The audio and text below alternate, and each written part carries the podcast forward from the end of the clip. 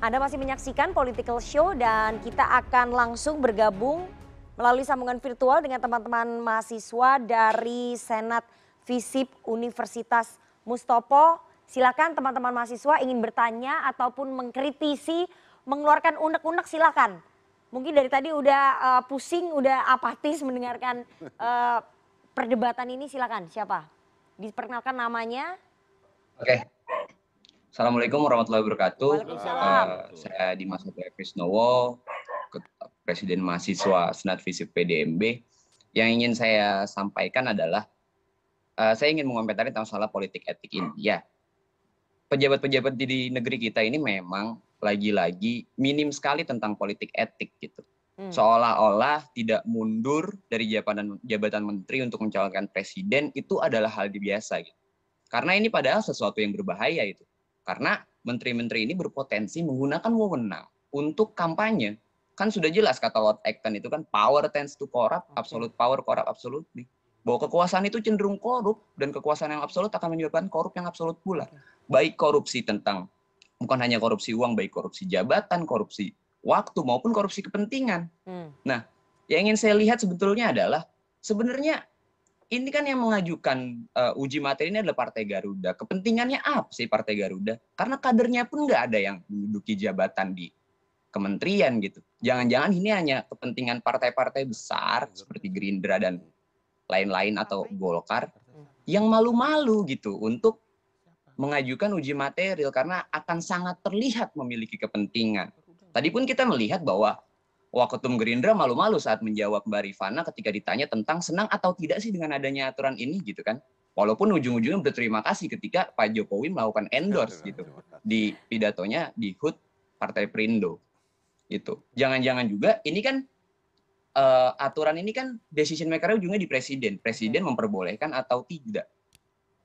Jangan sampai nanti ini hanya untuk memuluskan kalau tadi restunya ke Pak Prabowo ya kan jangan-jangan yang, yang diizinkan untuk tidak mundur Pak Prabowo aja gitu. Baik, baik. Lalu okay. jangan jangan sampai aturan ini menjadi pembenaran untuk mewajarkan kemunduran politik etik ini gitu. Oke, okay, baik. Karena yang tadi Bang Ali Mukhtar bilang di Indonesia bisa terjadi apa pun ya hal-hal seperti ini akhirnya bisa terjadi kemunduran etik politik ini bisa terjadi. Okay. Dan yang harus diingat adalah demokrasi bukan hanya tentang hak untuk memilih, tapi hmm. hak untuk hidup bermartabat bermartabatkah seorang pejabat yang tidak mundur ketika ingin nyapres? Baik. Ini masalah etik aja, menurut. Oke, kemunduran etik uh, demokrasi. Itu saya udah dapat poinnya. Apakah kemudian seorang pejabat, seorang menteri punya martabat ketika harus maju capres tapi nggak perlu mundur? Satu lagi, silakan. Namanya siapa? Singkat saja. Uh, baik, sebelumnya perkenalkan nama saya Aisyah Munakanza, saya Sekretaris Badan Perwakilan Mahasiswa Fisik Mustopo. Uh, sebelumnya saya ingin menanggapi mengenai kebijakan terkait uh, menteri yang tak perlu mundur untuk nyapres. Sebenarnya uh, kebijakan ini terbilang sangat buru-buru atau kurang pertimbangan yang baik karena selain bisa menimbulkan abuse of power, sebenarnya seperti yang dikatakan, dikatakan oleh rekan saya tadi, ini berpotensi juga untuk menimbulkan yang namanya korupsi.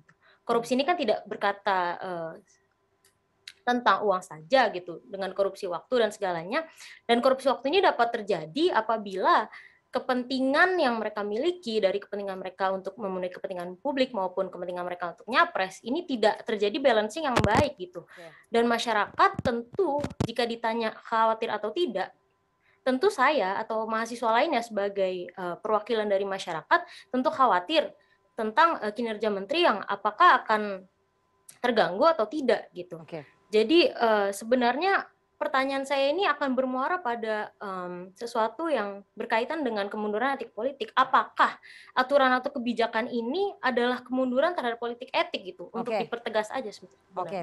terima, terima kasih. kasih. Oke, terima kasih. Uh, power tends to corrupt. Jadi yang dikhawatirkan oleh para pemilih muda ini, teman-teman mahasiswa, bahwa korupsi itu bisa dilakukan oleh para menteri yang maju capres ataupun cawapres. Korupsinya bisa berupa korupsi waktu, korupsi anggaran, kita nggak tahu juga. Dan itu merupakan kemunduran etik politik. Kalau menurut teman-teman mahasiswa, silakan Mas Ferry dulu. Ya, tadi kan bahwa uh, satu hal merupakan hak konstitusi seorang kandidat hmm. yang kebetulan jadi pejabat publik, menteri dalam hal ini. Tapi di sisi yang lain kita yang bersangkutan pun juga jangan kemudian dianggap uh, meskipun punya potensi tetapi jika yang bersangkutan juga memiliki profesionalitas, memiliki etika, dia bisa menjalankan apa fungsinya sebagai uh, menteri dan sekaligus ini uh, membaca hasil keputusan Mahkamah Konstitusi itu. Jadi makanya saya tadi sebenarnya mendorong bahwa ini sebenarnya tugas masyarakat untuk mengawasi dan kemudian peraturan KPU juga harus apa harus lebih konkret gitu. Oke. Nah kalau soal restu tadi saya nggak bicara soal restu tadi kan pernyataan presiden bahwa apa Nggak perlu saya di, diminta nggak perlu iya, dibenerin juga sih Mas Ferry udah ya, terlanjur. kemudian saya bilang terima kasih juga terima, rekamannya. iya terima kasih aja saya bilang gitu. iya Oke. tapi bukan restu itu Iya. Jadi ya itu pernyataan pernyataan aja yang Oke. sebenarnya positif dan kita terima kasih aja tapi Oke. itu menurut saya bukan restu karena jadi soal kemunduran etik restu. politik tadi, saya soal rasa martabat seorang menteri tadi. pernyataan itu tidak kemudian menunjukkan bahwa presiden punya preferensi politik kepada misalnya Pak Prabowo enggak Oke. Jadi Tapi itu pernyataan yang pernyataan positif saja kepada Pak Prabowo yang kemudian kita harus menanggapinya secara positif Ya juga. itu pernyataan Pak Prabowo. Menanggapi tadi ini mahasiswa tadi mengatakan bahwa bagaimana seorang pejabat, seorang menteri punya martabat kalau misalnya maju capres, cawapres tapi tidak perlu mundur. Ini kemunduran etik politik. Ini suara pemilih muda loh yang Iya. jumlahnya 60% loh. Men- Ya itu tadi kalau kita baca tafsir dari Mahkamah Konstitusi yang saya baca tadi bahwa apa namanya memang kemudian Mahkamah Konstitusi eh, menganggap bahwa kan ini eh, mengabulkan judicial review Hmm. bahwa yang sebelumnya harus mundur atau yang sebagainya kemudian ini sekarang tidak harus mundur ketika eh, MK menafsirkan bahwa yang bersangkutan bisa melaksanakan itu sejauh yang bersangkutan melaksanakan profesionalitas dan lain sebagainya tapi tentu ini juga punya apa namanya eh, konsekuensi bahwa masyarakat menjadi lebih berat untuk ikut ngawasi peraturan-peraturan KPU-nya pun juga harus lebih rigid lagi supaya kemudian mencegah Oke. supaya kekhawatiran teman-teman tadi itu Rifana? tidak terjadi. Silakan ditanggapi tadi. Oh, Soal kemunduran etik politik. Ya anu dulu, ini saya pertama menyampaikan apresiasi dan terima kasih mahasiswa Mustopo ini, mahasiswa-mahasiswa kita yang pinter-pinter. Saya eh, mencatat supaya tidak lupa, eh, Charles Planstein itu dia seorang ahli yang tadi bicara tentang kekuasaan itu cenderung korupsi, korup Oke. dan or- otoriter. Kecuali tidak ada regulasi, Hmm. tidak ada pengawasan. Di pemilu kita untuk 2024 ini sudah berkali-kali dilaksanakan dengan regulasi pengawasan yang ada. Mulai Bawaslu, KPU dengan begitu sangat ketat dan lain-lain. Belum lagi masyarakat. Artinya begini, dukungan kita terhadap penyelenggara pemilu ini yang bebas, aktif, kemudian mendukung, mensokong penting tentang terjadinya proses demokratisasi dengan baik, itu penting. Hari ini dan malam ini kita bicara juga sangat amat penting. Jadi saya terus terang memberikan apresiasi terhadap apa yang mereka sampaikan, baik Dimas maupun Aisyah.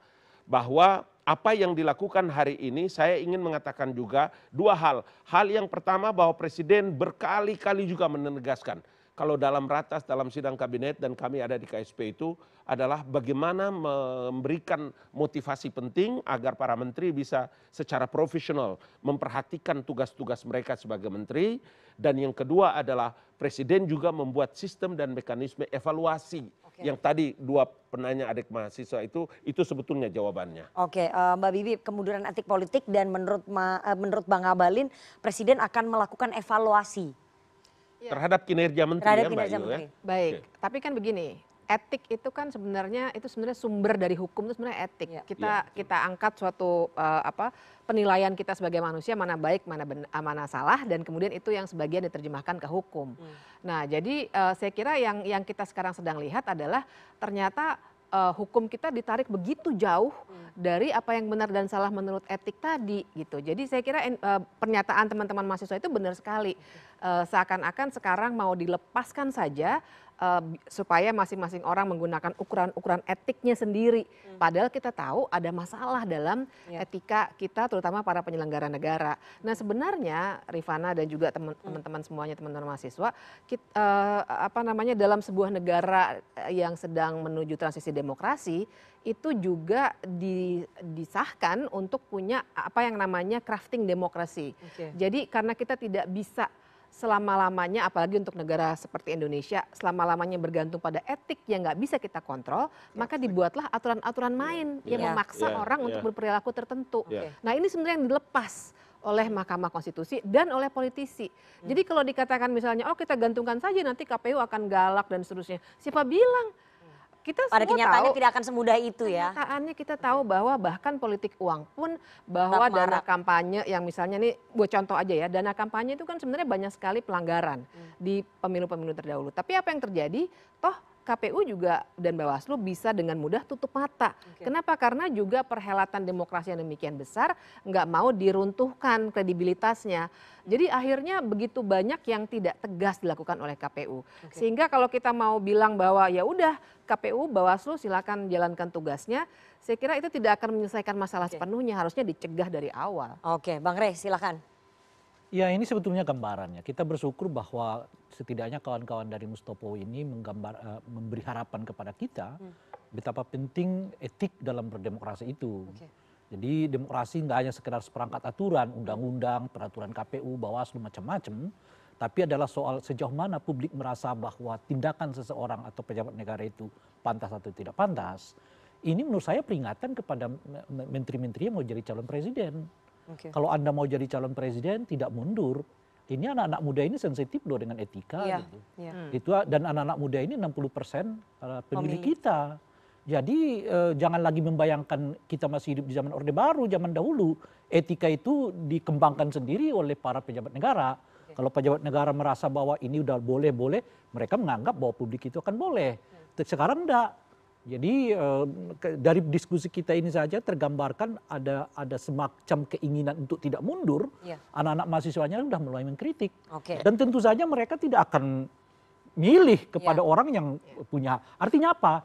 Kepada menteri yang jadi calon presiden dan tidak mundur, Hmm. entah ia dimundurkan atau memilih jalan untuk mundur sendiri, belum tentu loh pemilihnya akan memilih dia. Gitu. Oke, itu, itu so- keriguan, itu hukuman kerugian. hukuman pemilih Betul, ya. itu hukuman kerugian pemilih politik. terhadap uh, tokoh yang tidak Ya, punya budaya ataupun Dah- etika untuk mundur Betul, jabatannya. mudah-mudahan Bung Peri mendengar Ya. untuk disampaikan ya supaya tidak perlu harus dimundurkan. Ya. Justru di mata pemilih itu memilih jalan mundur itu itu, nilai politik lebih- yang luar lebih biasa. wise, uh, pendidikan politik yang lebih bagus. Bukan tapi hanya, tapi menjadi daya jual elektabilitas yang cukup bagus juga di mata para pemilih. Gitu. Tapi saya ingin tanya, menurut Anda Presiden Jokowi berani mengevaluasi menteri-menterinya yang maju capres tidak perlu mundur itu?